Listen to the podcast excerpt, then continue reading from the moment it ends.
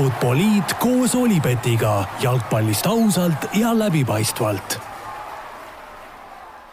no nii, tervitused taas kord kõigile Futboliidi kuulajatele, jalgpallisõpradele, järjekordne nädal on selja taha jäänud, nagu eelmine kord rääkisime, aeg läheb kiiresti ja uued olulised mängud on vahepeal peetud, nii et aeg on meil taas siin suurt jalgpallijuttu rääkida, stuudios endiselt Raul Oessar ja Joel Hindermitte, tere Joel! tervist! räägime siis täna natukene alguses Eesti jalgpallist, räägime natukene Hispaania jalgpallist vahepeal, meistrite liigast, Premier League'ist, nii et teemasid on palju, hakkame kuskilt pihta. kas teadsid, et Olipet pakub parimat mitmikpanuste diili Eestis? no Eestis juhtus, juhtus see siis, et valitsev meister Flora sai lõpuks, lõpuks põllu peale Premier League'as esimene mäng, no ei tulnud vist lihtsalt see kaks-üks võit Leegioni üle? ei tulnud, aga selline lihtne klišee, et kolm punkti on käes, see on kõige olulisem, no teada oli, nagu ma ütlesin ka, et mina see hooaeg äh, nagu hindan Leegionit väga kõrgelt ja, ja nendel olid päris tugevad head mängud all, mängurütm all ja, ja eeldasingi, et tuleb selline üsna, üsna raske kohtumine, et äh, täpselt nii oligi, hea meel selle üle, et ütleme äh,, oleks võinud võib-olla nagu ka arvata, et äkki me oleme veelgi võib-olla rabedamad või, või niisugune natukene konarlikumalt tuleb, et tegelikult ma arvan, mänguliselt äh, mängisime päris hea mängu, oli meil päris palju häid võimalusi, mis äh, mis me ise ei löönud sisse, kus väravaht jäi ette või ta-, tassis, et, äh, et selles suhtes niisugune äh, korralik kohe vastupanu ja ja, ja oluline, et just suutsime need kolm punkti saada kätte. no Leegioni värava teie vastu lõi Aleksandr Šapovalov, mees, kes ju Florat ka siin äh, esindas hooaeg paar tagasi, enne kui ta sinna Saksamaale siirdus käis südamelt mingisugune väike valu ka läbi, et äh, nii-öelda endine oma poiss äh, lööb värava? no kas teda nüüd äh, nii oma poisiks saab nimetada, et ta eks jah, seal duubli eest, kui ma ei eksi, kaks, kaks hooaega mängis, et et tegelikult seal Leegionis neid endiseid Flora mehi oli, oli küll, et ja, ja ka Premium-liigas on päris palju neid, et et kui selle nii-öelda tundega kogu aeg vaataks, siis, siis olekski päris kurb kogu aeg no kas äh, trennis tuleb nüüd ettevaatlik ka olla selles suhtes, et kui Hendrik Ojamaa midagi hästi teeb, siis õla peale patsutamine on välistatud, et äh, mees haarab peast kinni, kukub pikali nüüd, äh, on see nii ka muidu või? no päris hea provokatsioon sinu poolt. No selles suhtes siin sõprade ringis arutasime ka selle, kui sa viitad siin sellele, sellele penalti juhtumile. jah, ma viitan. et et ja tõepoolest, võib-olla seal otsest tabamist ei ole, aga aga ma just mõtlesin, nagu panin ennast selle kaitsemängija nagu rolli et noh, mina kaitsemängijana, ma ei lähe kunagi sellises olukorras nii kõrge jalaga palli puhastama, ükskõik, kas ma taban seda palli või mitte, et seal see, ütleme, see määr, kus sa võid nagu eksida või ongi vastasele seal vastu nägu lüüa, on, on nagu päris äh, olematu, et seal sa pead kas siis püsima või minema ise peaga võitlusesse, et sa lihtsalt ei tohigi anda seda võimalust seal nagu eksida ja, ja samas siis nagu kas ründemängija peab siis oma pea kuskile sinna nagu pistma ja, ja laskma endal ninaluu puruks lüüa, et, et see penalt välja teenida, et kus, kus see piir nagu jookseb. et äh, minu jaoks jäi veidikene nagu arusaamatuks selle, selle nagu penalti üle nagu virin, et, et kas nagu palli mängimine siis tähendab, et kõik on nagu õige või? no see kaitsemängija oli, eks ju, ründaja Nikita Andreev äh, Leegioni poolelt ja minu arust see oli tegelikult väga huvitav olukord, sellepärast et okei okay,, Ojamaa oli selles suhtes kloun, et ta ilmselgelt teeskles selle, et ta sai vastu pead, eks ju, tegelikult ei saanud, tegelikult sai vastu õlga, kes ei ole seda olukorda näinud, siis äh, no kas oli... just kloun nüüd, eks, et äh, selles no, suhtes äh, ründajad, ükskõik mis võistkonna mängijad on, et kui sul on sellised olukorrad, sa pead ka ise natukene olema kavalam ja, ja selline heas mõttes suslik, et neid olukordi maha müüma. no okei okay,, okei okay,, aga ütleme, kes ei ole seda olukorda näinud, siis Floral oli vist karistuslöök, eks ju, pall jäi karistusalasse lahtiselt Ojamaa hüppas selle peale, tahtis peaga lüüa, Andrei oli tema kõrval, tõstis jala päris kõrgele, lõi selle jalaga puhtaks, tema tabas palli, Ojamaa ei tabanud, äh, ja siis jalg, mis väga kõrgel oli, siis nii-öelda alla tulles vist läks Ojamaale vastu õlga või noh, õla peale nii-öelda, on ju. noh, see kokkupõrge ei olnud,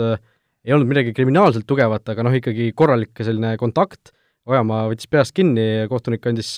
noh, tundus, et Kristo Tohver oli see kohtunik, ta alguses nagu ise vist ei tahtnud seda anda, aga kuskilt ilmselt raadiost tuli kõrva signaal, et abikohtunikud nägid, et kuule, et seal ikka vist, vist oli midagi, et ja see andis penalti, et et tegelikult selles suhtes oli see väga huvitav olukord, et ma mõtlesin korra, et ma panin nagu iseennast selle kohtuniku,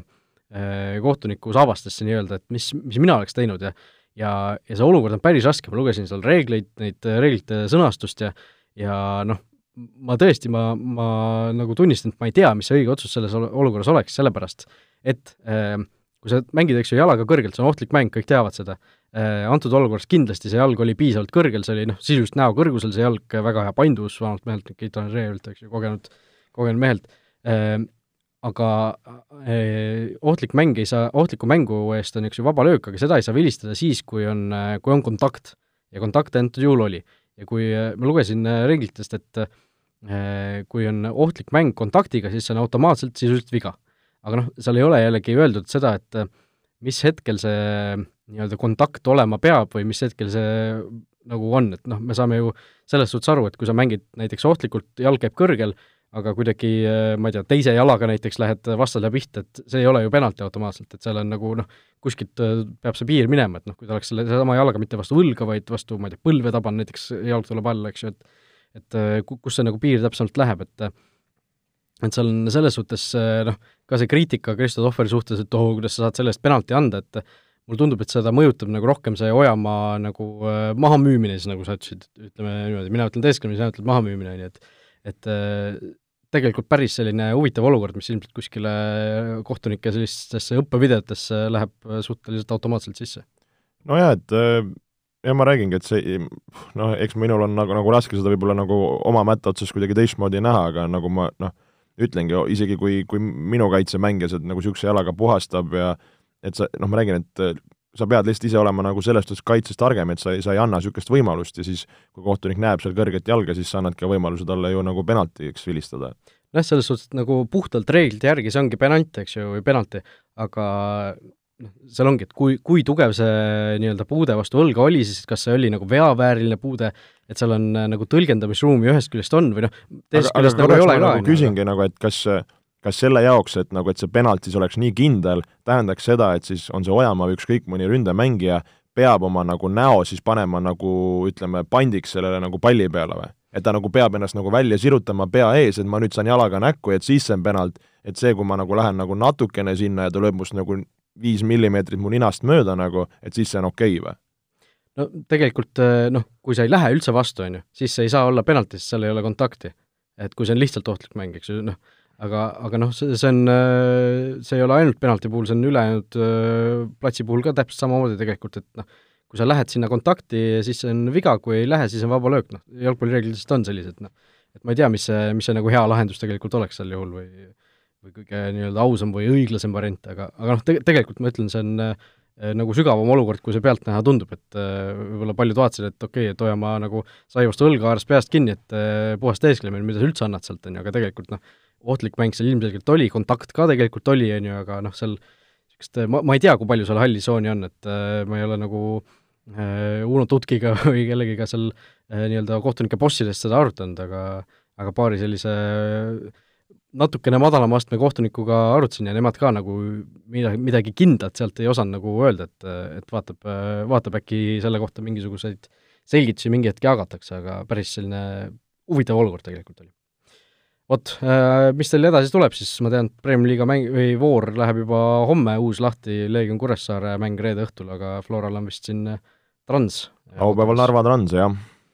et aga noh, põhi, põhimäng muidugi sel voorus, selles voorus pühapäeval Levadia Paide, nii et äh, vaatame, mis, mis sealt saab, see tule-, tundub ka päris, päris magus äh, mäng olevat, äh, kaks võistkonda, kes siin praegu vist mõlemad seal tabeli eesotsas, kuna Flora pole veel, pole veel oma mänge järele pidanud. aga lähme siit Eesti juttude juurest välismaa poole ja vaatame, mis, mis toimus meistrite liigas. kas teadsid, et Olipet toetab FCI Levadiat? no meistrite liiga, eh, kõik neli poolfinalisti sel nädalal selgusid, eh, kõige suurem nii-öelda selline asiotaaž oli selle BSG ja Bayerni mängu ümber, Joel, sina ütlesid, kui need veerandfinaalpaarid loositi, et sellest, selle paari võitja tuleb meistrite liiga võitjaks, BSG sellest paarist edasi sai, napilt, aga kindlalt,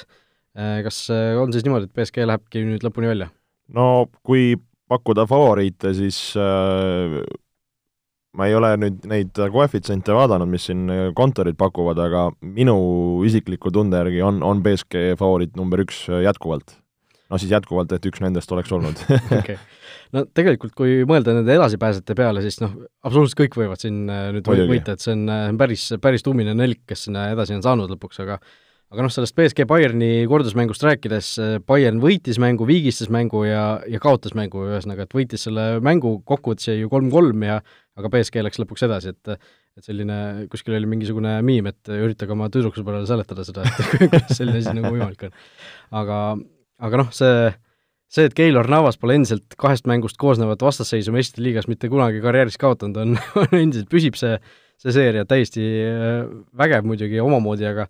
aga, aga see mäng oli päris selline mõnus andmine, ütleme niisugune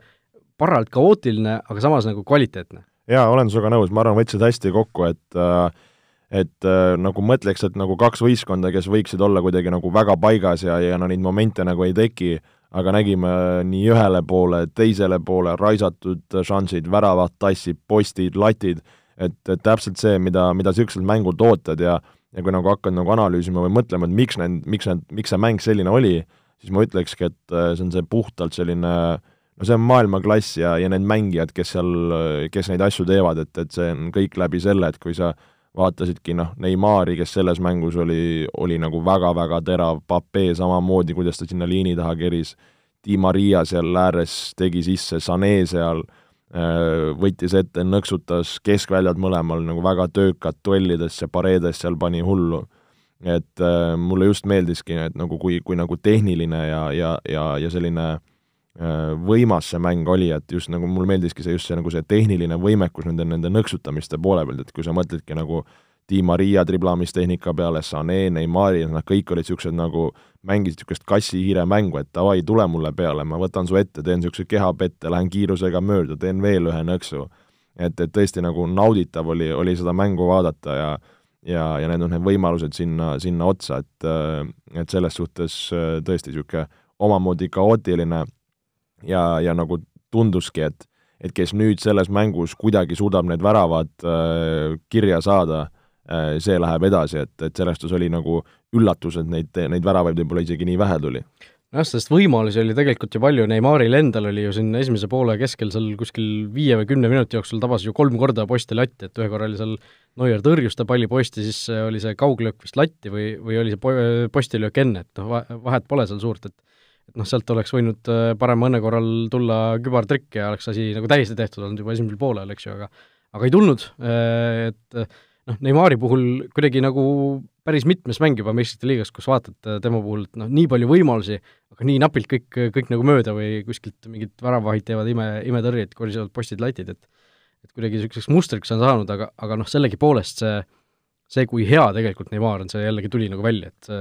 tegelikult äh, aeg-ajalt nagu kiputakse alahindama teda võib-olla natuke. ma olen nõus, et nagu näha, kuidas ta seal kahe-kolme venna vastu äh, teravus tegi, välja vupsas, äh, hoidis palli, tegi selliseid õigeid pause, mängis sööte, et äh, ma olen nõus, et ma arvan jah, kuna ega neid, neid jalgpallisõpru, kes väga tihti võib-olla League on äh, vaatavad, siis neid on nagu vähe ja, ja võib-olla siis vaatavadki Champions League'i kui ta kuskil on jälle jälle väidetavalt vigastud või kuskil Brasiilias paneb jooki ja, ja teeb pidu, et siis, siis ongi nagu tunne, et mis kloun see on, aga samas kui kui mees väljakul on, siis, siis tegelikult on ta ikka rets mängumees, oleme ausad.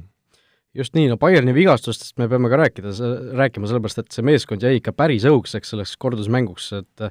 et oli seal ju noh, Levandovskist äh, me juba rääkisime, aga neid vigastatuid oli seal veel noh, ridamisi tegelikult ja ja noh, Levandovski on ilmselt kõige suurem puu-, puuduja sealt, äh, aga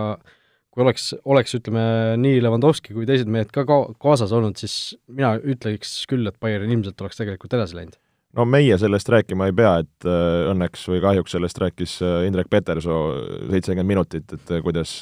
kuidas Bayernil seal mehi ei ole ja ja kuidas Hansi Flick ja, ja muud mehed seal kuskil Messengeris omavahel suhtlevad, et, et seda me saime kuulda küll. See vahele, meil tuli üks kuulaja, või see jah, kuulajakiri, mitte lugeja, lugejakiri. kuulajakiri tuli Martinilt, et miks meid ei kuule enam meistrite liigat kommenteerimas ja ja oligi see siis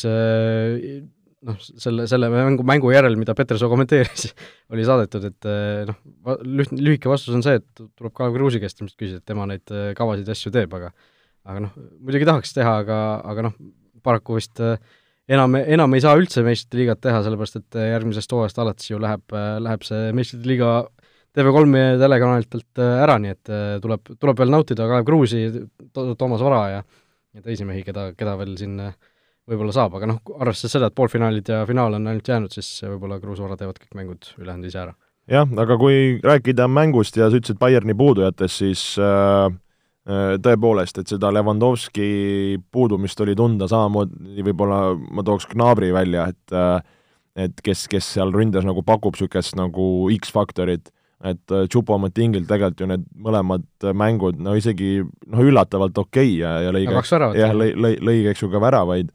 aga, aga noh, jäi, jäi paraku Bayernil noh, eriti esimeses mängus, ma arvan, et see esimene mäng oli see, mis, mis nagu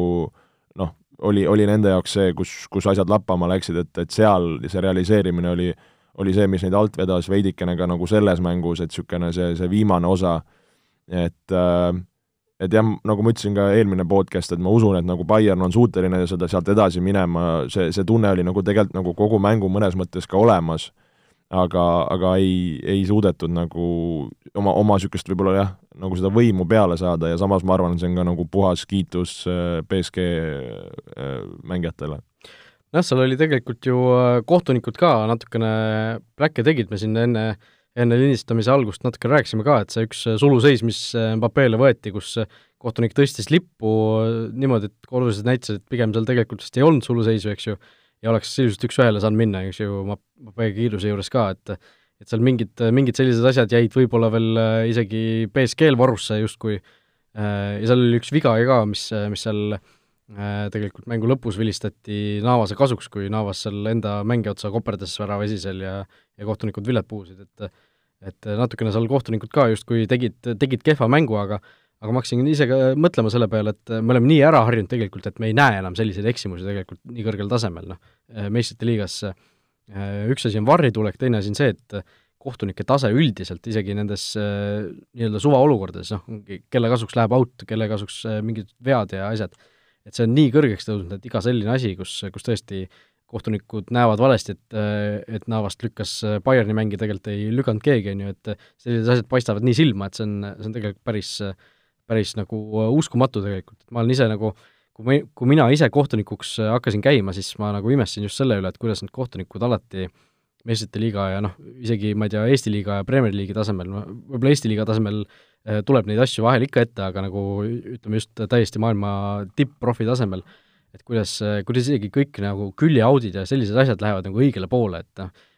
me näeme võib-olla kümnes mängus äh, üks selline out läheb, kus, mis me nagu saame aru, et oi, siin läks valesti, on ju. Aga noh, kui sa ise käid vilistamas, siis see on tegelikult, äh, seda ei ole väga lihtne vaadata, kui, kui kaks mängijat lähevad korraga palli peale, see käib kiiresti, et kellest siis see pall out'i läks, on ju. jaa, no ing-, ütleme, välisliigades on need asjad paigas, Eesti liigas äh, paraku juhtub neid asju veel. tuleb trahv sind. jah aga, aga tulles tagasi selle, just selle suluseisu äravõtmise peale, mis poole lõpus oli, et see oli küll minu jaoks kummaline, et seal Pavard kattis selle suluseisu ära, Pape läks praktiliselt keskjoonelt ja, ja tegelikult ju oleme näinud, et kohtunike suunised on, et hoia see lipp all, las ta jookseb ja küll pärast tegeleme aga et ta nagu tõstis selle lipu üles, siis võeti see suum sisse ka, kuidas ta niisuguse poolülbelt ninakalt seal midagi vehib nagu, et see jättis nagu nii halva mulje sellest äärekohtunikust. et ma ei tea, kas mees oli, oli jalad läbi, et ei tahtnud seal neljakümne neljandal minutil Mbappega nagu üks-ühele liini, liini järgi nii-öelda joosta, aga, aga see oli küll minu jaoks veidike nagu üllatav, et mi-, miks oli vaja nagu fikseerida. Et, et, et see, see, see oli küll nagu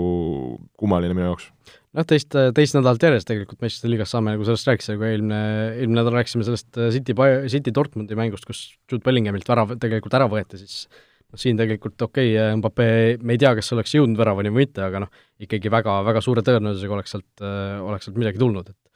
et selles suhtes kohtunikel ikkagi on, on ka sellisel tasemel natukene juurde panna. No mis veel selle mängu kohta öelda, BSG nüüd läheb Cityga ju poolfinaalis vastamisi, ja üks nendest suurtest nii-öelda äh, naftaklubidest äh, saabki finaali, et noh, BSK juba eelmine aasta seal käis, aga City pole ju veel käinud kordagi, et et äh, noh, selline päris oma, oma, omapärane paar, et noh, minul isiklikult järjest, kui BSG Bayern, BSG City, noh, ükski võistkondadest pole minu jaoks eriti sümpaatne, et noh, võib-olla ma BSG City asemel vaatan ka mingit seda äh, noh, samal ajal teist mängu meistrite liigas muidugi selle, sellel ajal ei toimu, aga saad pilved all või, või mingit asja vaadata? kättemaksukontorit jah, või ma ei tea, mis päevad, päeviti need asjad käivad ähm,. Jah, no mis mind nagu häiris selle mängu juures veel, kui kohtunikest rääkida, oli see, et tegelikult ju mängu lõpus anti vist neli üleminutit ja siis nende üleminutite jooksul Navas oli, umbes minut aega oli pikali sellest, seal mingit vigastust väitis endal olevat, raviti teda seal ja kohtunik ikkagi vilistas umbes, ma ei tea, kolm viiskümmend üheksa vilistas mängu lõppenuks, et et kuidas selle eest nagu juurde ei antud aega, mina Bayerni, kui ma oleksin Bayerni poole hoidja, siis ma oleks selle üle nagu päris, päris kuri, noh, kuigi need ühed lisaminutid ja mingid kolmkümmend sekundit, noh, tavaliselt ei too mitte midagi kaasa, aga noh, vahel võib ju juhtuda niimoodi, et midagi sealt juhtub. et see mind nagu natukene häiris ja, ja üks asi, mis mind veel millegipärast UEFA puhul nagu on häirinud, on see, et BSG-d nimetatakse Pariisiks pidevalt ja noh, isegi tabloo peal oli ju Bar äh, äh, versus Bayern, et äh, või noh, Bai, et, et noh, miks ei võiks sinna BSG lihtsalt panna, kõik teavad ju seda klubi kui BSG-d, aga aga noh, eks, eks seal ole mingisugused teistsugused oma, oma põhjused ilmselt. samas, mis oli äge selle mängu puhul just seal noh, ütleme kogu ülekande jooksul, eriti see lõpp, olid ju jälle need kaheksa K kaamerad, kus, kui olid need äh, mängijate, ütleme, close-up kaadrid, siis kogu see see, seal olid ka need või? jaa, jaa, olid, olid. Okay. olid küll, et seal Papeed seal lõpus ju näidati ja Neimari, kui nad seal Kimmichile näkku karjusid äh, Paredesega ja see oli ilusti näha ja pärast seal Papeed aeti taga, et äh, et niisugune nagu arvutimängu tunne või kuidagi liiga, liiga reaalne on see no see on jah, see Madridis olid ka vaata need äh, nii äh, nüüd veel klassiku ajal kui siis meistrite liigas, noh, igapäevaselt äh, seda Madridi, Madridi kodumänge võib-olla ei vaata telekast, aga aga seal, seal väidetavalt vist on varem ka olnud, et, tõesti päris noh, niisugune tunne nagu reaalselt vaataks mingit FIFA, FIFA mängu, et eriti heaks on graafika läinud, et et tõesti päris, päris huvitav. No teine mäng, mis samal ajal veerandfinaalis oli Porto Chelsea, see noh, seekord läks vist hästi, et ma seda ei vaadanud, noh, null-null oli seal väga pikalt üleval, Chelsea ikkagi seda ka-, sellest kaks-null eduseisust hoidis kinni ja lõpuks äh, Porto küll mängu võitis, äh, seesama Iraani poiss Mehdi Taremi, kes siin Juventuse vastu ju selle rumala punase kaardi tegi, äh, lõi käärlöögist värava otsetenderdusest ja noh, fantastiline tabamus, aga kahjuks täiesti mõttetu tabamus, sellepärast et noh, ei olnud Portol lihtsalt enam aega, et midagi, midagi sealt äh, rohkemat välja võluda. no kes seda väravat järgi pole vaadanud, kindlasti vaadake, et väga ilus värav, mäng ise äh, nii palju kui highlight'e vaatasin, äh, oli pigem niisugune kinnine ja pusimine, et ei olnud nagu väga-väga häid šansse nagu kummalgi võistkonnal. et äh, nagu noh, mina ütlen, nagu arvata oli, et selles suhtes, et seal noh, Porto nagu üritas, mis ta üritas, aga, aga ei suutnud võib-olla seal kvaliteetselt nagu üle mängida Chelsea't ja, ja Chelsea nagu kahe mängu kokkuvõttes igati parem võistkond ja ja ei saaks kas nüüd öelda nagu üllatuslikult poolfinaalis, aga, aga poolfinaalis nad on ja ja, ja Real, Real neid nüüd ees ootab, äh,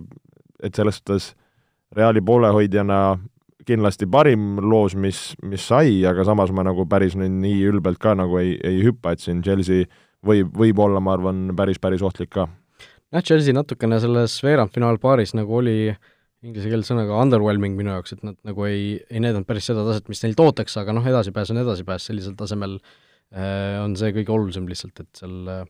eks, eks see tõesti poolfinaal on juba uus, uus lahing, uus vastane, et vaatame, mis seal saab. Äh,. Läheme siis kolmapäeva juurde, eilsed, eilsed õhtud, eilse õhtu mängud. Äh,, no minul oli, vaatamisega oli ka niimoodi, et ma alguses tegin kaks ekraani lahti, siis ma ikkagi ei saanud nagu keskenduda ühele korraga, siis jätsin Liverpool Reali peale, esimese poole lõpus vaatasin, et ahaa, Dortmund on juhtima läinud, panin Dortmundi peale, ja siis, kui City kaks väravat tagasi lõi, siis lülitasin uuesti Real, Liverpool Reali peale, et et äh, noh, ei tea, kumb see nagu põhimäng oli, no Liverpool Real ikkagi vist äh, on nagu kõrgema sellise äh, profiiliga mäng, aga väravaid seal ei olnud, realiseerimine jättis ikkagi mõlemalt poolt natuke soovida. jaa, no selles suhtes äh, kui, kui nagu selle Reali mängu peale mõelda, ka ise siin klõpsasin edasi-tagasi, et et ei saanudki aru, no kuna nagu see Reali mäng tundus nagu rohkem tehtud olevat ja just see Dortmund selle värava kätte sai, siis oli seda nagu põnevust rohkem aga, aga selles suhtes ei saaks öelda, et nagu Realil joppas, aga, aga tõesti nagu Liverpool nagu punnis ja punnis ja tegelikult need kohad, kus nad löögile said, kus siis saadi blokeering vahele, löödi ise üle, löödi vastu väravahti, et et nagu kui mõeldagi nagu selle, ütleme, meistrite liiga siis nagu selle nende veerandfinaalide peale, et see nagu kõlab labasena, aga, aga nagu üks märksõna, mis nagu on, jäi nagu silma, ongi see nagu see realiseerimine ja, ja sellepärast need ründajad on võistkonna staarid, nad saavad suurt raha, et sul on vaja, et keegi paneks need pallid võrku, et see on no, jalgpalli tõde olemus, aga tegelikult me nagu nägime selle nagu nii olulisust, et kui sul ongi Salah ja asjad panevad seal vastu Courtois'd või, või tambitakse üle, üle lati tribüünile seal järjest, et siis on nagu raske. et äh, samas nagu Real ka mingeid võimalusi omas, ma oleks tahtnud uskuda võib-olla, et Real saab natukene paremad võimalused kas või kontratest või, või mänguliselt, et oli ka nagu mingeid niisuguseid veidikene nagu noh, panid natukene nagu väristama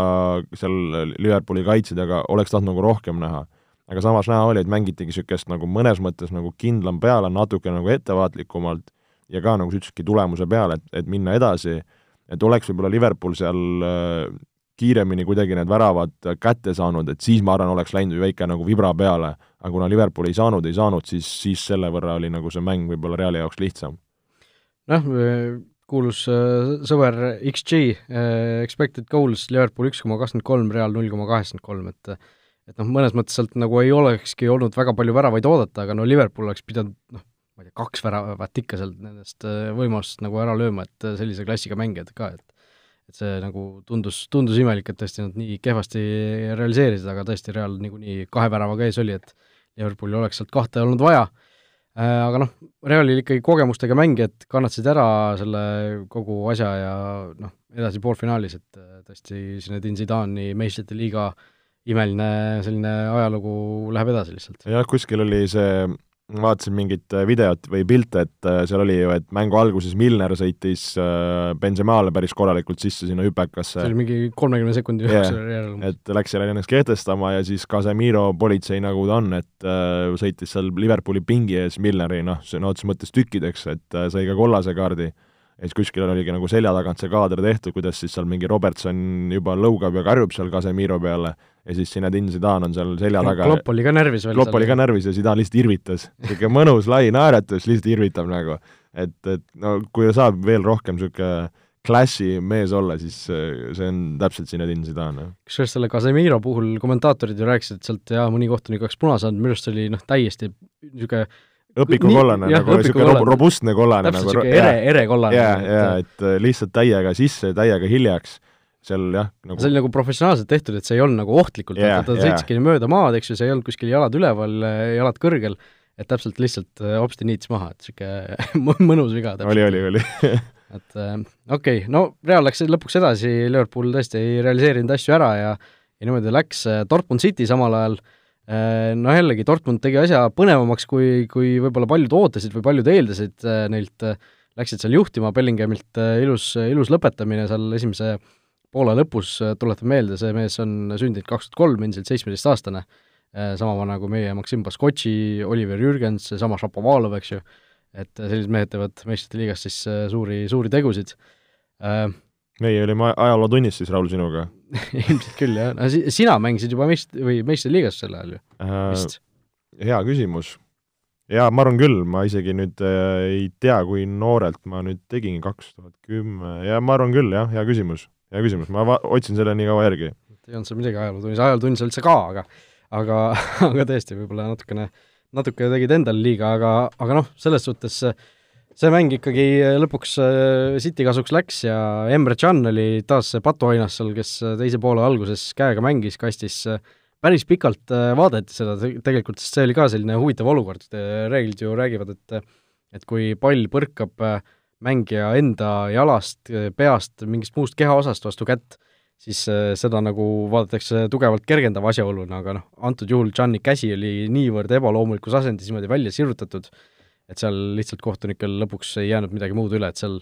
noh, ma mõtlesin ka selle peale, et kui sa ei anna selle eest penaltit, siis noh, see see jääb nagu niivõrd kipitama sealt lihtsalt. jah, no Emre Canil tundub, et äh, kas oli Manchester City spioon või olid rahad City peal, et siin kaks mängu mees nagu kingitusi pakkus, äh, esimeses mängus andis lihtsalt jala peale seekord seal niisuguse nagu äh, kummalise selle käeliigutuse tegi, et ma ei mõistnudki, et miks seda nagu kätt oli vaja seal kuidagi nagu lisaks, et kas see oli niisugune vaata, kui sa nagu hakkad äh, pead kallutama, siis käsi võib-olla natuke automaatselt nagu läheb, läheb sinna välja, aga noh, sealt nii kõrgel tasemel, siis sa pead nagu ikkagi mingid refleksid endal niimoodi treenima, et sa ei teeks niimoodi. jah, veidikene nagu kontrollitumalt, et äh, siis, kui see penalt tuli, ma, ma nagu mängu huvi lootes, lootsin, et äkki ei anta või tõrjutakse ära, et kui nagu City ära lõi, siis ma teadsin, et noh, et siin, siin ei ole nagu šanssugi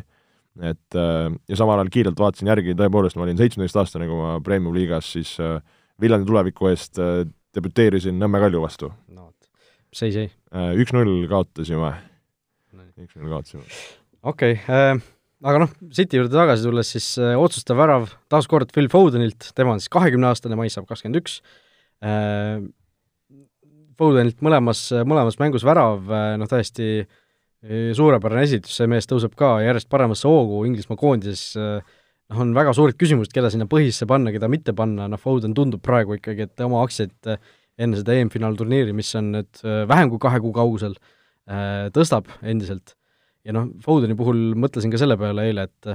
oli see ju hooaeg, hooaeg tagasi, hooaeg kaks tagasi, kui talle City's ikkagi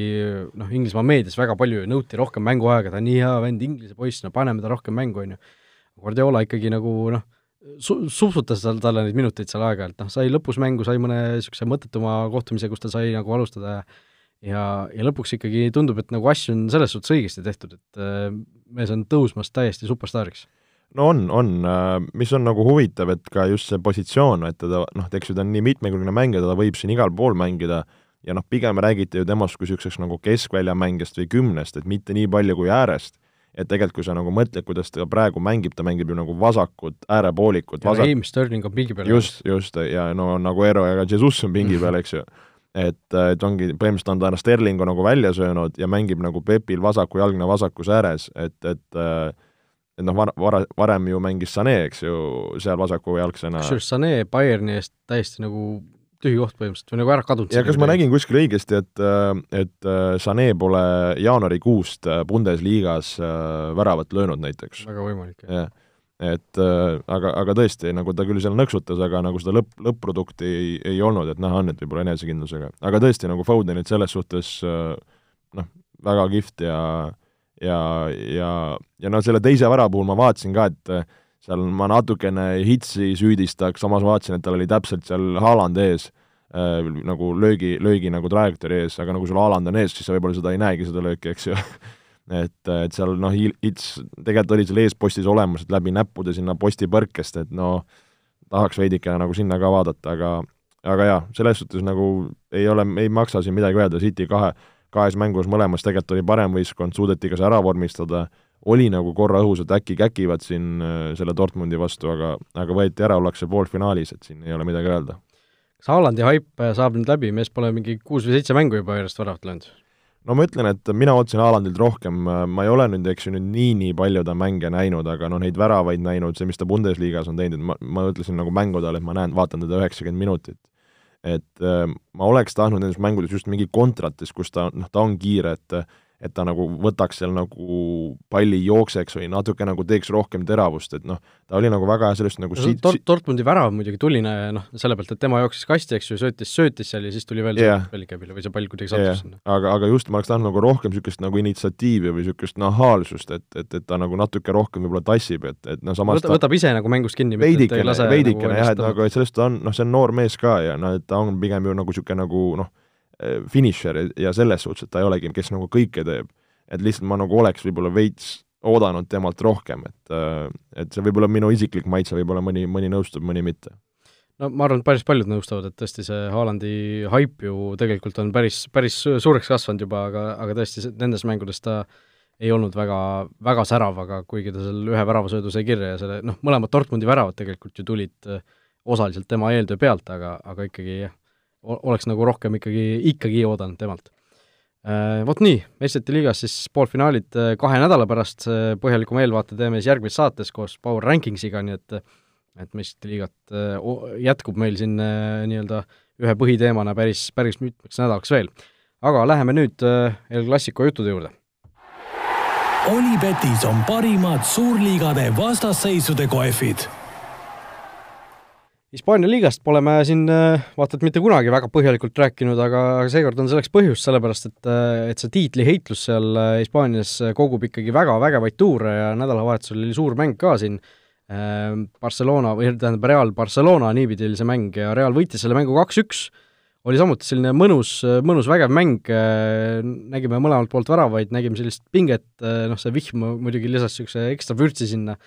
Ja aga lõpuks Realile vist pigem nagu teenitud võit või, või? no see oli, ma arvan, mõlema, niisugune mõlemapoolne mäng, et äh, kes, kes kuidagi ära lööb, äh, see võidab, et et ei mäletagi väga nii lahtist El Clasicut, kui aus olla, siin viimastest aegadest, et pigem oleme näinud, et on niisugune pusimine, aga aga oli seal postid, väravaid tassisid, et niisugune, nagu ütlesidki, mõnus mäng, et, et nagu oli ka nagu hea, hea klassiga ja, ja palju ilusaid nagu sooritusi, et et selles suhtes nagu Real mängis, ma arvan, selle nagu lõpu, nagu selle mängu mõnes mõttes nagu küpsemalt, aga, aga samas seal lõpus, kuidas nagu Barca seal nagu surus ja surus ja seal viimasel sekundil, kuidas seal no nii vähe jäi puudu ja kuidas seal veel Ter Stegen saab üle puusa vajutada, no ma ei, ma arvan, ta oleks võinud sealt päris hästi vajutada, aga siis kuskilt oma vend hüppab ette nagu, et, et noh, oleks see vast lõpp olnud. et tõesti päris, päris äge andmine, minul muidugi hea meel, et Realt sealt võiduga välja tuli no minul ka hea meel, et Real võitis, äh, noh, selles kolmikus kuidagi Real on minu jaoks ka kõige sümpaatsem olnud, äh, noh, Atletico kuuskümmend seitse, Real kuuskümmend kuus, Barcelona kuuskümmend viis, noh, Sevilla kuuskümmend üks, võib-olla tasub ka ära mainida. et on see esinelik, äh, noh, nelik on kindlalt teistelt eest ära, viiendal kohal reaalselt Sociedadil nelikümmend seitse punkti, ehk siis neliteist punkti on seal neljanda ja viienda koha vahe. aga noh, kes tuleb nüüd meistriks, kas Real tõigi selle võiduga endale või noh, ladus nii-öelda vundamendi, et, et võitjaks tõusta ja Atleticol, kel see edu oli vahepeal ju päris suur, on see ikkagi väga palju sulama hakanud, viimast neljast liigamängust ainult üks võit, kaks viiki, üks kaotus, et et ei ole seal mingisugust kindlust enam või mingisugust enesekindlust seal äh, Simeone võistkonnas? no ütleme niimoodi, et eks ju praegu on võtmed Atletico käes, et äh, aga, aga siin on Atleticol see, ütleme äh,, ees, eelseisvad mängud on niisugused nagu ütleme, on nii üht kui teist, et siin vaatad, on Atletic äh, klub, on, on, on tugev mäng ja no võtmemäng on äh, kaheksandal mail mängivad Barcelona Atletico omavahel. ja, ja ma arvan, see on nagu suur-suur äh, äh, mäng nagu, et selles suhtes, mis saab. aga ma arvan, et nagu me näeme siin veel nagu iga, kõige kolme võistkonna juures veel nagu seda, et, et kõik eksivad siin. kõik eksivad, kas vigistavad, kaotavad kuskil, et kes teeb seda vähem, et seda, nüüd nagu kõik kolm tiimi panevad nagu põhimõtteliselt võiduga välja, et seda, seda me ei näe. et, äh, et äh, ma tahaks nagu kuidagi nagu võib-olla Realile veidikene anda nagu niisuguse favoriidikoorma, mul on tunne, et nagu Atletico pigem laseb püksid täis, kui, kui peaks pakkuma. ja samas ma nagu Barcelonat äh, ei kannaks ka üldse maha, aga ma nagu Atleticot millegipärast ei näe. no ma ka Atleticot ei näe, et see vahe on ainult üks punkt ja kaheksa mängu minna, et noh, nad äh, libastuvad mitu korda veel sellise tempo juures seal seal nende viimaste, nende viimaste mängude jooksul, et seal see tõesti, see Atletico Barca mäng tuleb väga äh, väga otsustav, aga ma arvan, et Real läheb siit ikkagi võiduka lõpuni välja, et nad, see, see võit oli noh, väga oluline psühholoogiliselt ka, et et ja, ja noh, see, et nad meistrite liigas ka kaugel on, see kuidagi annab neile ilmselt veel, veel sellist enesekindlust juurde, aga aga noh, mis võib-olla põhiasi selle mängu puhul oli see, et jalgpalli üks ajaloo suuremaid küsimusi sai ju tegelikult vastuse. kui, kui nägime seal, kas oli see hetk, kui kohtunikul see mingisugune raadioside seal katki läks, tuli seal korra neljanda kohtuniku juurde midagi äh, midagi seletama või midagi seal ära vahetama, parandama, siis näitas, võttis suurde plaani Lionel Messi, kes seal vappus selle külma vihma käes, vahetas vist vahepeal Kü särki isegi. ma korraks äh, küsin seda külma vihma, ma selle peale läksin kohe ilmaäppi ja vaatasin, palju Madridis kraade oli. kas seal ei olnud mingisugune seitse, kaheksa, üheksa kraadi või? üksteist kraadi oli no.. üksteist kraadi sooja ja, ja väike tuul, tuul ja vihm. ja siis Hispaania seal mehed seal vappusid ja lõdisesid ja no Messist oli ikka jube, jube kahju, et no kuidas sul ikka nii külm seal on no aga ma ütlen, maailma üks suuremaid jalgpalliküsimusi sai vastuse, sellepärast et äh, ma arvan, et me võime selle, selle mängu järel ikkagi väga selgelt väita, et äh, ei, Messi ei suudaks seda külmal vihmasel, vihmasel teisipäeva õhtul Stoke'is teha no selles suhtes on, on äh, tabav ähm,. nüüd küsimus siin, kui Messist rääkides me oleme siin natukene võib-olla jah, liiga anti-Messi, et seda on meile ette heidetud, aga et kui on äh, kui palju on siis viimase, ütleme, kolme aasta jooksul on Cristiano Ronaldo löönud El Clasicos väravaid ma tean sellest statistikat, ma ka kuskil nägin, et et Ronaldo ja Messi on võrdselt löönud. on võrdselt löönud. ja Ronaldo pole ühtegi mängu mänginud. Pole ühtegi mängu mänginud. pärast seda, kui Ronaldo, ütleme, Realist lahkus, ei ole Messi ühtegi El Clasico väravat löönud, on niimoodi? peaks olema küll, jah. et tõesti päris, päris kurb, päris kurb, et Messi ikkagi noh, noh, mida te veel nagu teada tahate, et see mees on äh, täielikult pestud ja, ja läheb äh, kuskil varsti ajalukku, et et äh, noh, kuigi ta La Liga väravalööjate edetabelt muidugi praegu juhib, aga aga see võib-olla ei ole kõige olulisem praegu. Eh, okei okay., nii et eh, El Clasico ja, või tähendab, El Clasico oli äge, La Ligas tuleb põnev lõpp, aga põnev lõpp hooajale tuleb kindlasti ka Premier League'is. Olipetis on parimad suurliigade vastasseisude kohvid. Premier League'is siis eh, järjekordne voor mängiti ja päris huvitavaid tulemusi, huvitavaid mänge seal oli ja alustame kuskilt algusest peale, Man City Leeds üks-kaks. Äh, no üks viimase aja kõige sellisemaid äh, Taavet Koljati vastu mänge üldse selles suhtes, et Leeds ju äh, läks seal juhtima, aga sai siis punase kaardi, mängis suurema osa mängust vähemuses, City teisel poolel sai lõpuks viigivärava kätte, jahtis seal marruliselt seda võitu ka, aga lõpuks ikkagi Stewart Tallas oli see, kes lii-, kümnemehelise Leedsi eest lõpuks selle värava hoopis ise, ise ära lõi, Tallaselt kaks väravat ja Leedsile täiesti uskumatu võit vähemusest Man Cityt võõrsil võita kaks-üks, et noh, ma ei tea, minu jaoks sellised mängud on nagu jalgpalli ühed kõige nauditavamad asjad, kui seal eriti muidugi selle Leedsi-suguse väikse võistkonna poolt ka veel, et ma noh, kui see Tallase teine värav äh, sisse läks, siis ma ikkagi nagu kodus äh, äh, korra lasin sellise kontrollimatu mingisuguse hääle suust välja, et niisugune noh, jess! Ei, äge, need underdogi võidud on, on, on võimsad ja just, et kui vaadata ka seda statistikat, et noh, ikka no paar, oli, kas oligi kaks, kaks lööki äkki needsamad või? jah, vist Leedsil kaks lööki ja kaks väravat. jah, et, et selles suhtes no eks ju, kui mõelda nagu sellele võidu põhjuseid, siis Leeds oli, eks ju, tubli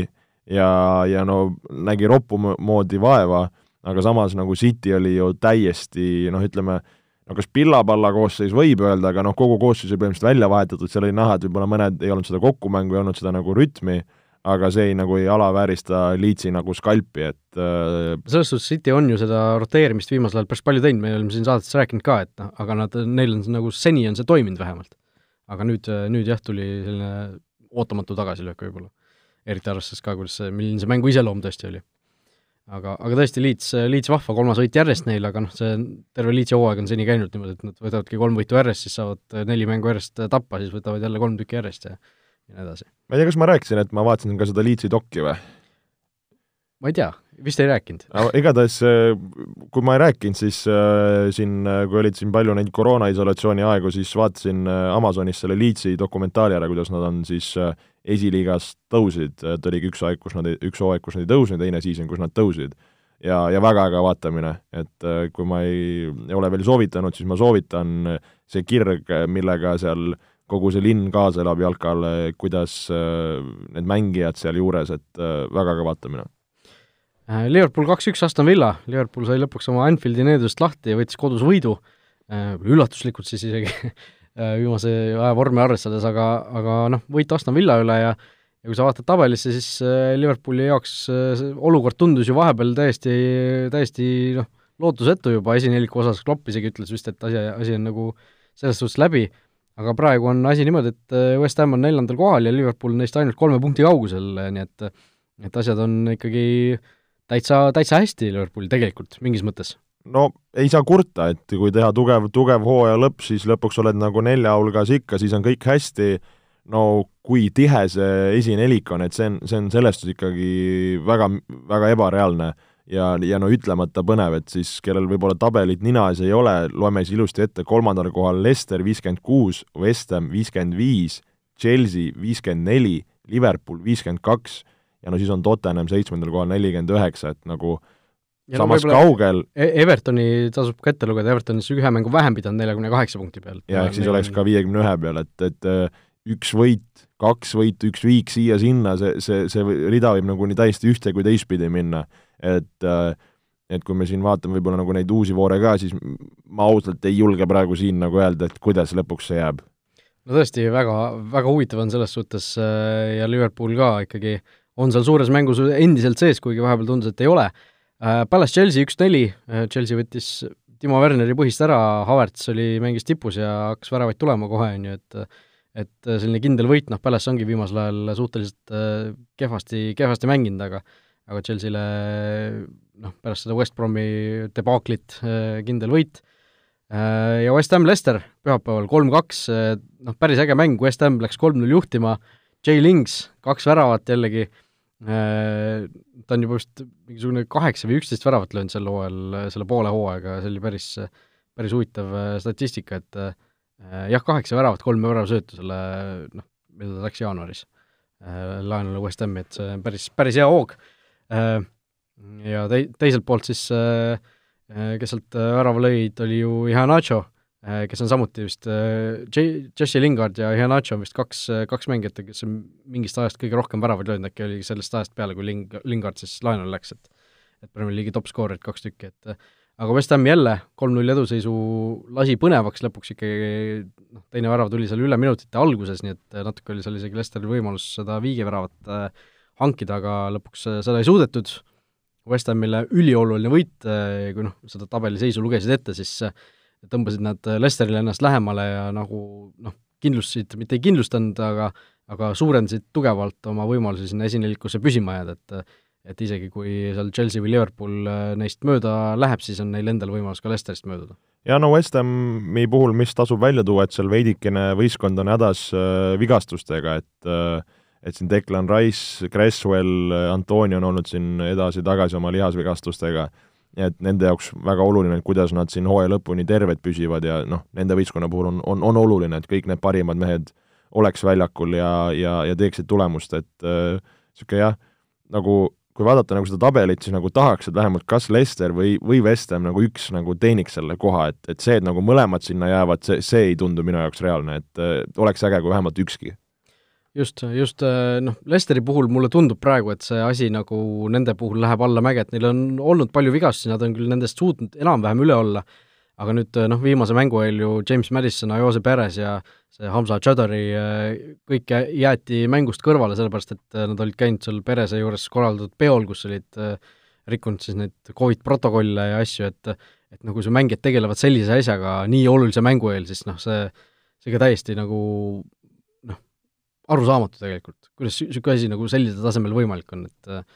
et, et noh, kahju, et need mängijad nagu võistkonda alt vedasid, et mulle tundub, et Lester jällegi langeb ära siin nagu eelmisel hooajal ka. no see oleks tegelikult ikka äraütlemata kahju, et kui jälle nagu noh, põhimõtteliselt koopia eelmisest hooajast, et no, oled Brendan seal... Rodgersist on kahju kusjuures, sest noh, tema on tegelikult teinud ju sisuliselt kõik, kõik hästi, lihtsalt need vigastused ja noh, mingid lollused äh, nagu tulevad ette, et noh. No vigastused on jalgpalli osa, on ka treeningprotsessi osa, seal tuleb võib-olla ka veidikene nagu treeneri otsa vaadata, et mis seal toimub, aga noh, selles suhtes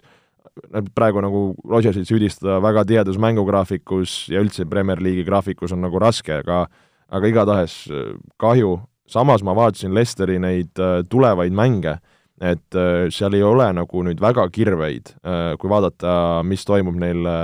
Premier League'is, West Brom, Crystal Palace, Southampton, Newcastle United, Manu, Chelsea ja Tottenham on siis need viimased. et kui sa need siin need ütleme, lõpupundid suudaksid ära võtta, ja, ja siis seal viimastes voorudes kuidagi tugevate vastu mõne viigi või, või võidu saada, siis ma arvan, on okei okay.. kui sa siin nende väikeste vastu käkid, siis on jama majas. no West Bromi vastu äh, on asi raskeks läinud, sellepärast et West Bromi, äh, West Brom on saanud kaks-kolm eurolist võitu järjest praegu, Big Sam ikkagi oma, oma maagia on tööle saanud, äh, on leidnud õige nupu üles, okei okay,, seal püsimajäämiseni on kaheksa punkti veel, aga noh, sellise hooga võib-olla ei saa midagi välistada veel, aga aga tõesti väga-väga raske on West Bromil niikuinii, aga aga noh, Lesteri, Lester, ma arvan, et nad võtavad hea, hea meelega vastu praeguses seisus, et et eh, eks näis, mis seal, mis seal saab, aga pühapäevaste mängudega edasi minnes, Tottenham, Manchester United üks-kolm, no oli jällegi äge mäng, löödi ainult ilusaid väravaid, kõik eh, väravad olid sellise ägedate kombinatsioonide tulemused, noh, kõige rohkem võib-olla selle mängu puhul räägiti tegelikult äh, nii mängu ajal kui pärast seda sellest äh, Unitedi esimesest väravast, mis tühistati, Edinson Cavani seal palli võrku sai, aga Varr äh, nägi siis, et enne seda oli, oli toimunud, äh, toimunud olukord, kus siis, kes asja ei näinud, siis Scott McTominay keskväljal noh, oli Sonniga nii-öelda võitluses, Son oli, oli, üritas vist, Son üritas tal kuidagi käest või särgist natuke tirida, ei saanud seda hästi kätte ja, ja McTominay siis parem käsi läks, läks nii-öelda hooga selja taha ja käis Sonni näos ära, eks ju. Mille peale siis Son äh, kukkus pikali, oli seal vist äh, kas kolm minutit äkki pikali arstid kutsuti äh, tema umbes pead stabiliseerima, seal vist umbes mingi jah, et kaelatuge ei pandud, et noh, natuke võib-olla selline Hendrik Ojamaa paralleel võib-olla isegi, aga, aga siis noh, selle tõttu siis, et ta sinna nii pikaks maha jäi, seal tola mängis, selle tõttu tegelikult ju see värav tühistati, sellepärast et kui ta ei ole, kui ta oleks nagu käitunud niimoodi, nagu tegelikult äh, nii-öelda õige mees käituks sellest, on ju, jutumärkides, on ju, kui sa lihtsalt lahtise käega korra vastu nägu saad, noh, mängid edasi, korra võib-olla jääd seal niimoodi, aga noh, sa ei jää sinna pikali maha lebama, on ju. aga, aga noh, minu, minu jaoks okei okay,, ma saan aru, see McDominay tegu oli, pigem oli viga, aga kas see oli pigem tahtlik või mitte sinu arvates, McDominay see käevibutus? ma arvan, et see, see oli see, see oli selline kuidas juriidikas see mõiste oli, selline, mul ei tule praegu meelde, aga noh, selline, ta teab, et see, see võib juhtuda, kui ta niimoodi käega teeb. jah, ma olen nõus, pigem tahtlik, kui nagu on see skaala, kuhu poole kalduks, siis natuke üle nagu keskmise, ma ütleks. et mulle tundus jah, et ta nagu teadis, mida ta teeb tegelikult, et noh, kui läheb vastu, siis läheb, et kui ei lähe, siis ei lähe, on ju. aga noh, mul, mul selles suhtes ei ole probleem, et see mäng, see värav lõpuks tühistati, aga mul on sellega probleem, et et Son nagu selles, sellises olukorras sai, sai selle teesklemise ja tola mängimisega ikkagi selgelt äh, nii-öelda minimatši võidu, et äh, see, et ta seda simuleerimist seal, noh, tegelikult see oli ju simuleerimine, eh, see, et ta simuleeris, sellega ta teenis väljakul edu, ehk siis noh, kui järgmine kord mingisugune sarnane olukord tuleb, siis miks ta ei peaks samamoodi käituma. aga kas me sellist asja tahame jalgpallis näha või sellist asja nagu premeerida? et äh, minu jaoks nagu see jäi nagu sellest, sellest olukorrast äh, natuke kriipima, kuigi ma ütlen veel kord äh,, mul ei ole tegelikult otseselt probleemi, et see värav tühistati, sellepärast et sellist asja nagu noh, käega teisele näkku, näkku virutamine, see ei ole nagu okei okay tegelikult. no tegelikult jäi ka kriipima see asi ju Ole Gunnaril ja Mourinhol, kellel oli päris äh, tihe sõnasõda pärast mängu Solskjaerilt muidugi ka väga selline kummaline sõnavõtt, et ta ei annaks oma pojale süüa, kui, kui tema poeg niimoodi, niimoodi kukuks ja umbes kümmet sõpra või kümme minutit maas oleks ja viit sõpra vajaks, et, et teda püsti aidata. Ja mille peale Murillo siis ütles, et et temal on Solskjaeri pojast kahju või midagi sellist, et tema oma poega talle annab süüa ja mille peale siis keegi Inglise ajakirjanik oli võtnud Solskjaeri pojaga ühendust, kes oli kinnitanud, et ei, et tema isa on väga, väga tore, annab süüa alati ja mingeid selliseid probleeme ei ole. seal väidetavalt oli ka veidi mingit niisugust tõlgendamist, et seal mõlemad vist üritasid kuidagi oma keeles mingi nii-öelda keelest tulenevaid nagu niisuguseid nagu metafoore või asju viia üle inglise keelde, mis siis natukene ebaõnnestusid ja, ja siis veel lisaks võimendati, et see on minu arust äh, no seal lisaks on veel ju son ja sun, eks ju, inglise keeles ja see mängija nimi, et et seal tõesti äh, noh, jah, selline segane olukord natuke või niisugune kentsakas nägi see väljastpoolt välja, aga aga no mängust veel rääkides, siis äh, noh, Tottenham läks juhtima, eks ju, seesama Son ise viis minutit hiljem lõi esimese värava, aga teine poolek kuulus Unitedile, Fred lõi värava, Cavani sai ikkagi enda kätte ja lõpus veel Greenwood pani kirsi tordile et äh, noh, tegelikult oli päris äge andmine, aga mis põhiline nii-öelda võib-olla see tulemus selle mängu puhul on see, et äh, mitte skoor, aga noh, selline järeldus on see, et Tottenham ilmselt meistrite liigast jääb välja. no tundub küll, äh, et oleme üritanud siin kuidagi Tottenhamile elu sisse puhuda, aga, aga on see ikka müstika, kuidas see äh, masendus ja kurbus ja, ja kõik see, mis seal on, niisugune see hirm ja, ja, ja see on nagu seal peal, et äh, et see nagu kuidagi algas nii, nii toredasti ja tundus ja, ja, ja, ja et läheb käima,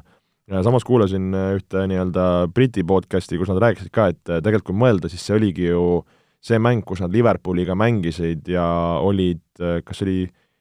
viigistamas või võitmas, kui seal Firmino lõpus ära lõi. vist said pähe äkki või? ma arvan, et nad kaotasid vist jah. jah, et, et pärast seda on nagu läinud, et see, see tundus, et nagu mõjus sellele enesekindlusele ja, ja pärast seda ka Äh, on, on need asjad nagu läinud nihu, et äh, et ka seal natuke nagu vaieldi, et mis see nagu Murillo puhul on, et kas see on see mingi e, oma, oma varasemasse asjadesse kinnijäämine, on see reaalne Tottenhami mängijate tase, äh, noh, räägiti nagu Murillo puhul sellest, et nagu niisugune see nagu mingi kartlikkus või, või niisugune nagu see kartus mingi, mingi nagu mäng, mäng, mängu filosoofia ees ja et kuidas neid mänge nagu võita ja, ja kui need eduseisust, nad on ju väga palju andnud see aasta ära nagu punkte et nagu neid kuidagi niisuguseid nagu kahtlasi või kummalisi asju nagu Tottenhami ümber on olnud nagu nii palju just see teine, teine poolaasta, ütleme niimoodi. Jah, jah, et äh, tõesti noh, lisaks kõigele veel see Murillo üldine negatiivne foon ja mis, mis kõik selle temaga nagu kaasas käib, et tõesti kuigi nagu ta, oleme ausad, et ta nagu tegelikult ta ei ole ju nüüd nagu väga üle piiri läinud, Tottenhami puhul, just nagu praegu. noh, see võib-olla just äh, see tema nagu maine käib sellega kaasas, eks ju, et, äh, et nagu oodatakse, et kohe, kohe see juhtub, et ta, ma ei tea, mingi Reguiloni või või noh, Alliga ta põhimõtteliselt on juba seda teinud, aga noh, kellegi teise nagu viskab täiesti rongi alla mõne põhimehe endale. jah, ta on nagu niimoodi peenelt kuidagi moka otsast maininud neid kommentaare, aga, aga võib-olla varasemalt on ta isegi nagu julgem või, või bravuurikam olnud nendes asjades, et, et sellest ta nagu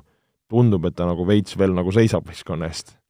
aga noh, oleks Tottenham selle mängu võitnud, oleks nemad ka Liverpooliga võrdselt seal viiekümne kahe punkti peal, oleks kõik veel endiselt võimalik, see esineliku võitlus oleks, oleks suurem, aga noh, praegu on see, see seis selline, et vahe West Hamiga on äh, kuus punkti ja seal vahel on äh, noh, nende ja esineliku vahel on ju tegelikult äh, kolm võistkonda või noh, kolmest võistkonnast nad peavad veel ette jõudma, et et sinna nelikusse jõuda, et see tundub ikkagi täiesti mission impossible juba ja noh, mis sellega ühe, veel kaasneb, on ju see, et siin The Athletic kirjutas eelmisel nädalavahetusel, et Harry Kane nõuab siis nii-öelda klubist lahkumist, kui äh, Spurs ei jõua meistrite liigasse ja ja selline on juba räägitud, et äh, Tottenham on, see Daniel Levy on äh, hinnasildiks seadnud siis sada kakskümmend miljonit äh, ja välistanud siis äh, ülemineku Inglise, teistesse Inglismaa tiimidesse. ehk siis äh, noh, kas on üldse sellise hinnasildiga kedagi, kes praegu suudaks Keini endale tahta? no ma arvan, eks ju Real Madrid, ma arvan, on teda pikalt siin taga ajanud, samas et see Inglismaa välistamine ähm, nagu ma ei tea, kas see on nagu nii kindel, et see on, oli ka ju jutt, et äkki nagu Kein tahabki umbes jääda Tottenhami legendiks, ta tahab äh, just seda Premier League'i äh, ütleme, top-skoorerite top ühte Sheareri käest ära võtta, ta oli tegelikult, äh, tal on, ta on päris lähedal, noh, mitte päris lähedal, kas see on nagu ma arvan, mingi umbes saja värava jagu äkki, kui ma, kui ma kuskil nägin seda tabelit, kas peaks olema Sheareril mingi kakssada kuuskümmend ja, ja, ja, ja Keinil sada, sada kuuskümmend äkki, sa samal ajal kiirelt sealt välja? Shearer on kakssada kuuskümmend täpselt, jah, tegevmängijatest siis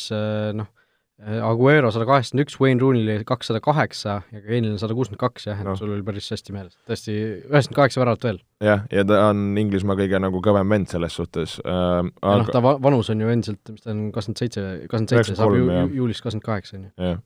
et, et, et see nagu on olnud mõttekoht, aga samas, kui sul ongi need suured tiimid, kus, kus, kus lõpuks on nagu võimalik äh, nagu nime ja, ja karjääri teha, et äh, et äh, ma arvan, see nagu see just, kus see Tottenham lõpuks lõpetab, et see on nagu ülimalt tähtis, ma isegi ei, ei nagu, ei oska aimata, mis tast saab. ma nagu kuidagi seda juttu tema ümber nagu on nagu olnud vähe, et kuidagi nagu aru saada, kuhu poole see läheb, et kui sa, sa peaks pakkuma, mis tast saab, mis sa arvaksid? no jällegi see sada kakskümmend miljonit, no kas praeguses olukorras, kas Realil on tõesti nii palju raha selles no, koroona, koroonaga seotud et kõik, praegu on kõik nagu see transfer market'i kontekstis on see ikka nagu, kõik on nii pea, pea peal, et, et see kehv klubide finantsiline seis ja kõik see sinna juurde, et et siin nagu ise mõtlesin ka, et, et nüüd huvitav, kui see nagu suvel aken läheb lahti, et kas me näeme niisuguseid mingeid säästudiile, samas klubid nagu vajavad raha, aga neil ei ole raha et äh, üldse ei oska nagu aimata, et see on nii uudne olukord, et noh, varasemalt oleks keegi nagu suure plekiga tulnud ja, ja kinni maksnud, poleks küsimust olnudki, mis saab nagu nüüd, no ei tea. jah, see, et kas tõesti nagu noh, Liivi on ju teada-tuntud selline väga karmi käega või noh, läbirääkija, et ta nagu väga allahindlusi ei tee kuskilt, et kui ta ütleb, et see on sada kakskümmend miljonit, Inglise tiimid on välistatud, siis nagu noh, kui see on niimoodi, siis, siis pigem vist tasub seda uskuda, aga noh, selliste tingimustega ma nagu ei, tõesti ei näe, et äh, ta kuskile läheks, aga noh, kas Tottenham on valmis ka selleks, et Kein seal hakkab mossitama ja võib-olla ütlema, et aa, selg valutab, täna ei saa mängida ja nüüd kõht valutab ja pea, pea valutab ja ja nagu kaks kuud on lihtsalt kuskil kõrval, et kas Tottenham on nagu valmis sellega riskima, kas Kein ise oleks see, oleks selline inimene, kes teeks seda, et äh, tõesti noh, tegelikult oleks ju väga, väga kihvt, kui ta jääkski Tottenhami karjääri lõpuni äh, okei okay,, ta võib-olla ei võida seal karikaid, äh, aga, aga noh, tõesti saab äh, Sheareri kätte selles äh, arvestuses ja ja tõesti tõuseb Premier League'i absoluutseks legendiks, et see oleks nagu teistpidi, teistpidi tegelikult äge ja noh, Tottenhamis mängimine ei ole ju tegelikult noh, kuskil ma ei tea, Valga Warrioris mängimine, et see on ikkagi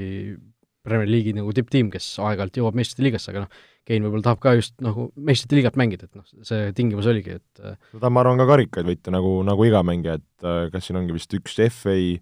Keinil ei ole midagi. kindel või? minu arust mingi tilulilu on. sest äh, mingisugused äh, need äh, sellised äh, saidid on kogu aeg või et äh, kas Harry Kane on, Harry Kane'ist saab, kui ta karjääri lõpetab, maailma parim mängija, kes ei ole võitnud ühtegi nagu äh, major trophy't, noh vaatame, Vikipeedia ütleb talle honors äh,, no ei ole jah, Tottenham Hotspuriga on ta League Cupi runner-up olnud kaks tuhat neliteist, kaks tuhat viisteist, ehk siis liigakarika finaalis ja korra on meistrite liiga finaalis, eks ju, kaks tuhat üheksateist, et see on tõesti päris, päris süke. päris hapu, jah aga noh, Murillo ju toodigi selleks Tottenhami, et ta selle suure karikapõua ära lõpetaks ja nüüd see liiga karika finaal on ju tulemas, et vähemalt ühe sellise liiga karika runner-up'i ta saab endale juurde sinna kõige halvemal juhul äh, Vikipeediasse, aga aga tõesti äh, noh, Keini, Keini küsimus võib-olla on selle suve üks äh, olulisemaid asju suures jalgpallis. ja ka Haaland, kui rääkida ründajatest. muidugi, Holland ka, et äh, jah, ja need võivad veel ju omavahel hakata mõjutama midagi seal kuidagi, et kes läheb kuhu ja kes ei lähe kuhu. Keini Vikipeedias on äh, Eestis tehtud pilte siin mitu tükki. endiselt, endiselt või? Ei, see Aa, põhiprofiili põhipilt, pilt ei ole, aga siin allpool on, kus teeb Kat-, siin, Katriin Kõrtsmäe kaks tuhat kaksteist EM-il, jah. tundub küll, jah. Need olid äh, vahepeal äh, väga paljude mängijate profiilipildid, kusjuures olid äh, Eestis tehtud, Katriin Kõrtsmik vist on andnud Vikipeediale kasutada igatahes äh,. Big money. Big money ei, sealt ei saa mingit raha, Vikipeedia on kõik tasuta äh,. Vot, aga tõesti, uue nädalavahetuse vaatame ka üle äh, reedel, eks juba homme, Everton Tottenham, ehk siis äh, kaks tabelinaabrit seal, kes on äh, napilt meistrite liigast välja jäämas või noh, kui napilt see lõpuks, lõpuks jääb, seda eks saame teada, aga aga noh, Everton on ka viimast neljast mängust ju ainult kaks punkti kätte saanud Brightoni ja Crystal Palace'i vastu, ehk siis need asjad ei ole, ei ole just kõige paremini Evertonis ja Tottenhamil, noh, Tottenhamist just rääkisime. et äh, seal läheb põnevaks laupäeval, aga FA karika poolfinaal, Chelsea ja Manchester äh, City ja päris huvitav äh, mäng selles suhtes, kaks meistrite liiga poolfinalisti omavahel kokku lähevad siin FA karika poolfinaalis ja selle mängu kohta on meil Olibeti kuulajaküsimus seekord. ja kü-, kuulajaküsimus on siis selline, et mitu väravat Manchester City selles mängus lööb, no võtame ainult normaalaja. Manchester City lööb ühe värava. ühe värava, okei okay,, mina arvan, et lööb kolm, et seal võib minna paugutamiseks äh, pakkuge siis enda, või noh, tehke enda pakkumine ka, postitage see Olipet Estonia Facebooki lehele viimase Futboliidi saate postituse alla ja kõikidele õigesti vastanutele, kes on samale mängule teinud vähemalt viie eurose panuse Olipetis, annab Olipet omalt poolt kakskümmend eurot tasuta panustamisraha. aga Premier League'i juurde tagasi tulles pühapäeval Arsenal Fulam, noh, Arsenal eelmises voorus Sheffieldi vastu sai kindla võidu kätte, Fulami vastu noh, asi ilmselt läheb natuke keerulisemaks, aga aga ikkagi võiks Arsenali favoriidiks pidada. Ja Manchester United Burnley, no jällegi, täpselt selline mäng, kus Unitedilt nagu sa ei oota, et United seal libastuks, aga ma arvan, et seekord see juhtub. noh, kui sa ikka Burnley vastu ära käkid, siis tundub piinlik, aga, aga ma sulle vastu ei vaidle, ma sulle United, vastu ei vaidle. United kaotas sel hooajal kodus Sheffield Unitedile, ma tuletan meelde. Ja teine FA karika poolfinaal Leicester Southampton, selguvad siis nädalavahetusel FA karika finalistid ja nende karikamängude tõttu on siis see nädal natukene pikendatud ka tavalisest äh, nii-öelda kauem kestavad, kestab see voor, Leeds Liverpool esmaspäeval, teisipäeval Chelsea Brighton, kolmapäeval Tottenham Southampton ja Aston Villa Manchester City, et seal mänge jagub kogu, kogu nädala peale, nii et äh, homsest kuni järgmise saateni iga päev Premier League'i mängud. jah, jalgpallist äh, ei saa, ei saa küllalt mitte kellelgi, juba, juba liiga paljugi. Ei vot, aga lõpetuseks meile tuli seekord kaks kuulajaküsimust, ühest me juba rääkisime, selle kommentaatorite teemal, aga teine küsimus on ka veel, ja Maiko kirjutas meile niimoodi, et juhtus Postimehest lugema väga huvitavat artiklit meeste kohta, kes on profispordi jaoks liiga suured. Ja seal jäi silma saja kahe, saja kahekümne kilone jalgpallur, see oli siis Akin Fenva, kuulus, kes siis surub rinnalt sada kaheksakümmend kilomeetrit, kilomeetrit, kilogrammi, saade on pikk olnud juba. Kas Raul teab või on äkki Joel treeninud mõnda Eesti mängijat, kelle jõunäitajad on teistest selgelt üle? Et pealtvaatajana vaadates näeb ikka, et mõned mängijad on platsil teistest suuremad, aga kas oskate välja tuua mõned mängijad, kes ka reaalselt teistest füüsiliselt palju tugevamad on olnud? ei usu, et Eesti, Eestis keegi sada kaheksakümmend kilo surub, aga äkki sada kakskümmend kilomeetrit, kilo, kilomeetrit, kilogrammi on keegi suuteline. no Joel, sina oled ilmselt nende jõunäitajatega rohkem kursis kui mina, kuidas, kuidas olukorrad on siis, kes, kes surub kõige rohkem ja kui palju, kui suured need numbrid on? ma vastaks sellele küsimusele üsna pikalt, kõigepealt väga tore, et, et kirjutate meile, kindlasti julgustan teid rohkem kirjutama ja sel-... Futboliitpodcast.gmail.com, kordame üle. jah, et just niisuguseid mingeid huvitavaid küsimusi, mida ise, iseennast närib või, või tahate mingit vaidluskohta lahendada või, või mingit järjestikust, et jul-, julgemalt, julgemalt. aga kui rääkides nagu jõunäitajatest Eesti jalgpallis, siis nagu number üks, ma arvan, et Eesti jalgpallur võiks olla kordades tugevam, kui ta, kui ta on. just selline tema nagu võimekus väljakul joosta ja niisugune jalgpalliline fitness ja, ja samamoodi ka selline nagu kehaline fitness ja, ja võimsus ja, ja tugevus et äh, ma arvan, meie nagu teadlikkus selle nagu treenimisel on, on nagu väikene ja, ja võib-olla ka niisugune nagu harjumused, et võrreldes nagu muu maailmaga. ja aga, aga kui nagu hakata nagu süübima sellesse nagu vastusesse, siis ma arvan, et äh, mis, mis mina nagu olen, olen kohanud, kas siis ise mängijana või, või näinud, et äh, et tihti nagu see vend, kes võib-olla rinnalt surub sul jube palju või, või, või, või piits on jube punnis, et see ei tähenda, et ta kohe nagu väljakul väga nagu niisugune nagu tugev oleks või, või oskab seda kasutada. et, et tihti just sellised, võib-olla sellised mehed, kes nagu ei näe nii tugevad välja, aga on just niisugused jube, jube sitked ja ebamugavad ja niisugused nagu tugevad kamakad, et nende vastu on nagu niisugune kordades nagu raskem äh, nagu mängida et äh, kui ma nagu mõtlen nagu nimede peale, kellega ma olen ise siis kas koos mänginud või keda treeninud, siis äh, mulle tulevad nagu kaks niisugust väga jõulist äh, maameest kohe ette. Äh,, Madis Vihman ja Joonas Tamm. Äh,, noh, et Joonasega olen ma terve elu samas nii-öelda noorteklassis ja noortekoondises mänginud ja noh, näinud, kui võimas see mees on ja pidanud temaga nagu pusima. et äh, ma nende neid, ütleme, jõunäitajaid, mis nad nagu rinnalt suruvad, ma niimoodi ei oska öelda. Aga see selline nagu tugevus ja, ja samamoodi nagu Joonas Tamme puhul, et kuidas ma olen näinud, kuidas ta noorteklassides on seal nagu mingitele vendadele no niimoodi keha rappinud, et et pilpaid lendab ja, ja mäletan, vist olen võib-olla rääkinud ka, et kui me käisime U üheksateist koondisega Portugalis mängimas, siis olime, oli William Carvalho, kes siis praegu on ka niisugune väga suur ja jõuline alumine poolkaitse, juba siis oli sama suur kuidas Joonas Tamm talle keskväljal niisuguse keha rappis, et Carvalho pani selle käpuli ja siis jooksis seal üks-ühele, aga, aga lõi napilt mööda. Ja, ja, ja niisugune, ja noh, Madis Vihmani puhul ka, et ta nagu tundus niisugune nagu võib-olla kõrvaltvaatajana nagu niisugune pikk ja, ja võib-olla niisugune veidikene nagu kohmakas, aga kui ta seal nagu läks sinuga duelli või, või sind surus või nagu hakkas sulle keha panema, siis oli ikka nagu ka ta ikka nagu see, see puhas ramm on ikka nagu midagi hoopis, hoopis teistsugust. Et, äh, et nagu nemad tulid meelde ja ja tegelikult siin, kes on ka meil külas käinud, ma ütleks, et nagu vennad Anierid on, on ka sellised, äh, no nende mängustiil on ka üsna selline jõuline ja agressiivne, aga ka, et nad võib-olla ei näe välja nagu nii, nii nagu võimsad, aga ka, et kui nad lähevad sinuga sinna duelli või kui nad üritavad seda palli katta, siis see niisugune see, see ramm, mis nende sees on, on, on nagu päris, äh, päris tugev ja ja ja tegelikult ka näiteks Tarmo Neemelo et äh, ma arvan ka, ta võib-olla ei ole niisugune vend, kes ka hullult siin nagu kange lükkaks, aga kui ta näiteks hakkas seda palli sinu eest katma ja, ja sealt kuidagi nagu hoidis sind nagu oma selja taga, siis noh, ega seda palli talt kätte ei saanud, et ta nagu suutis oma keha nii hästi nagu talitseda ja nii hästi nagu seda katta ja ja seda nagu noh, nagu võimas olla seal, et, et sa nagu olidki niisugune nagu pidid noh, nägema nii palju vaeva, et kuidagi tema selja tagant äh, välja tulla ja, ja näiteks ka Rimo Hunt oli niisugune hästi nagu jõuline ja, ja niisugune nagu noh, mõnes mõttes nagu robustne. et äh, need tulid nagu mulle, kellega ma olen siis kas ise mänginud või kellegi vastu mänginud, et olid niisugused nagu nimed praegu. no aga Floras ka ju te teete jõusaalis trenni, mis raskused äh, on, kui te rinnalt surute, kui noh, sellest nagu see küsimus äh, no, lähtus? küsimus oli ju pigem niisugune maksimaalne surumis see, et äh, et äh, pigem ju tehakse seeriaid niisuguseid natukene, ütleme, viiekümne protsendiga, teeb võib-olla rohkem kordusi ja niimoodi, et äh, et äh, ma arvan, siin mõned mängijad nagu niisugune sinna, sinna võib-olla sa-, kaheksakümne, saja ligi saavad kätte küll, et ma räägin, et niisuguseid asju nagu jalkatrennis, et davai, vaatame, kes nüüd kõige rohkem rinnalt surub, nagu päris niisuguseid ei tehta, et pigem nagu arendava eesmärgiga. okei okay,, okei okay., no see Akim Fenva vist teeb saja kahekümne kiloga, teeb nagu soojendust või niisuguseid seereid? no kui sa vaatad tema keha ka, et siis tegemist ei ole nagu jalgpalluriga, et see on niisugune isegi kulturist ei ole, või pigem niisugune maamees, see mitte see maamees, vaid see jõumees. jõu, jõutõstja. jõutõstja, jah. Äh, Jürgen Leesmanni oleks võinud äh, tuua siia, tema oskab ka ma temale kirjutasin, küsisin kohe selle peale jõutõstja, et, et kas ta oskab midagi välja tuua või, või numbreid, aga, aga ta ka niimoodi ei osanud konkreetselt välja tuua.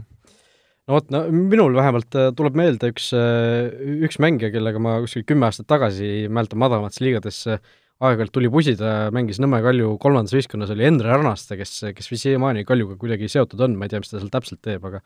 igatahes tema oli ka, noh, neljandas liigas sul ei ole erilist sellist füüsilist atleedikeha vaja, aga tema, tema oli nagu teistpidi selles suhtes, et ta oli noh, ikka niisugune kogukas, kogukas ütleme, et noh, niisugune suure, suure kehaga nagu igas mõttes suure kehaga, nii et ta on pikk ja niisugune lai ja suure ümbermõõduga, et et niisugune noh, tugevalt üle, üle saja kilo ilmselt kehakaalu, aga aga tema puhul oli ka see äge, et ta nagu noh, ülakeha oli nagu suur, aga ta jalad olid nagu tegelikult suhteliselt äh, hästi vormis, et ta ei olnud nagu selline äh, liiga selline noh, niisugune lodev või nagu selles suhtes paks, et ja, ja ta, ja ta oskas seda oma keha nagu nii hästi kasutada, et noh, kui, kui oligi tal pall, pall käes, pall nagu jala all, siis siis sa ei saanud teda sellepärast juba kätte, et sa ei saanud nagu teda esiteks ära lükata ja teiseks ta oli nagu niivõrd suur, et, et noh, sa nagu noh, hoidis nagu oma kehaga sind lihtsalt eemal, et sa ei ulatanudki oma jalaga see on veidi järsku nagu Neeme, Neemelu stiilis. et, et see, selles suhtes mul, minul tuli nagu te, tema meelde, kui ma selle Akinfenma poole mõtlesin, aga, aga tõesti, ega ega mina ka ei tea, palju jalgpallurid tänapäeval rinnalt suruvad, ma mäletan, kui mina kooli ajal ka jõusaalis käisime sõpradega, siis lõpuks seal noh, natuke alla üheksakümne kilo nagu jäi sinna kangi peale lõpuks maksimaalselt, aga aga, aga noh, jalgpallurid tõesti, ma arvan, et peavad ka rohkem harjutusi tegema kui ainult rinnalt surumist, nii et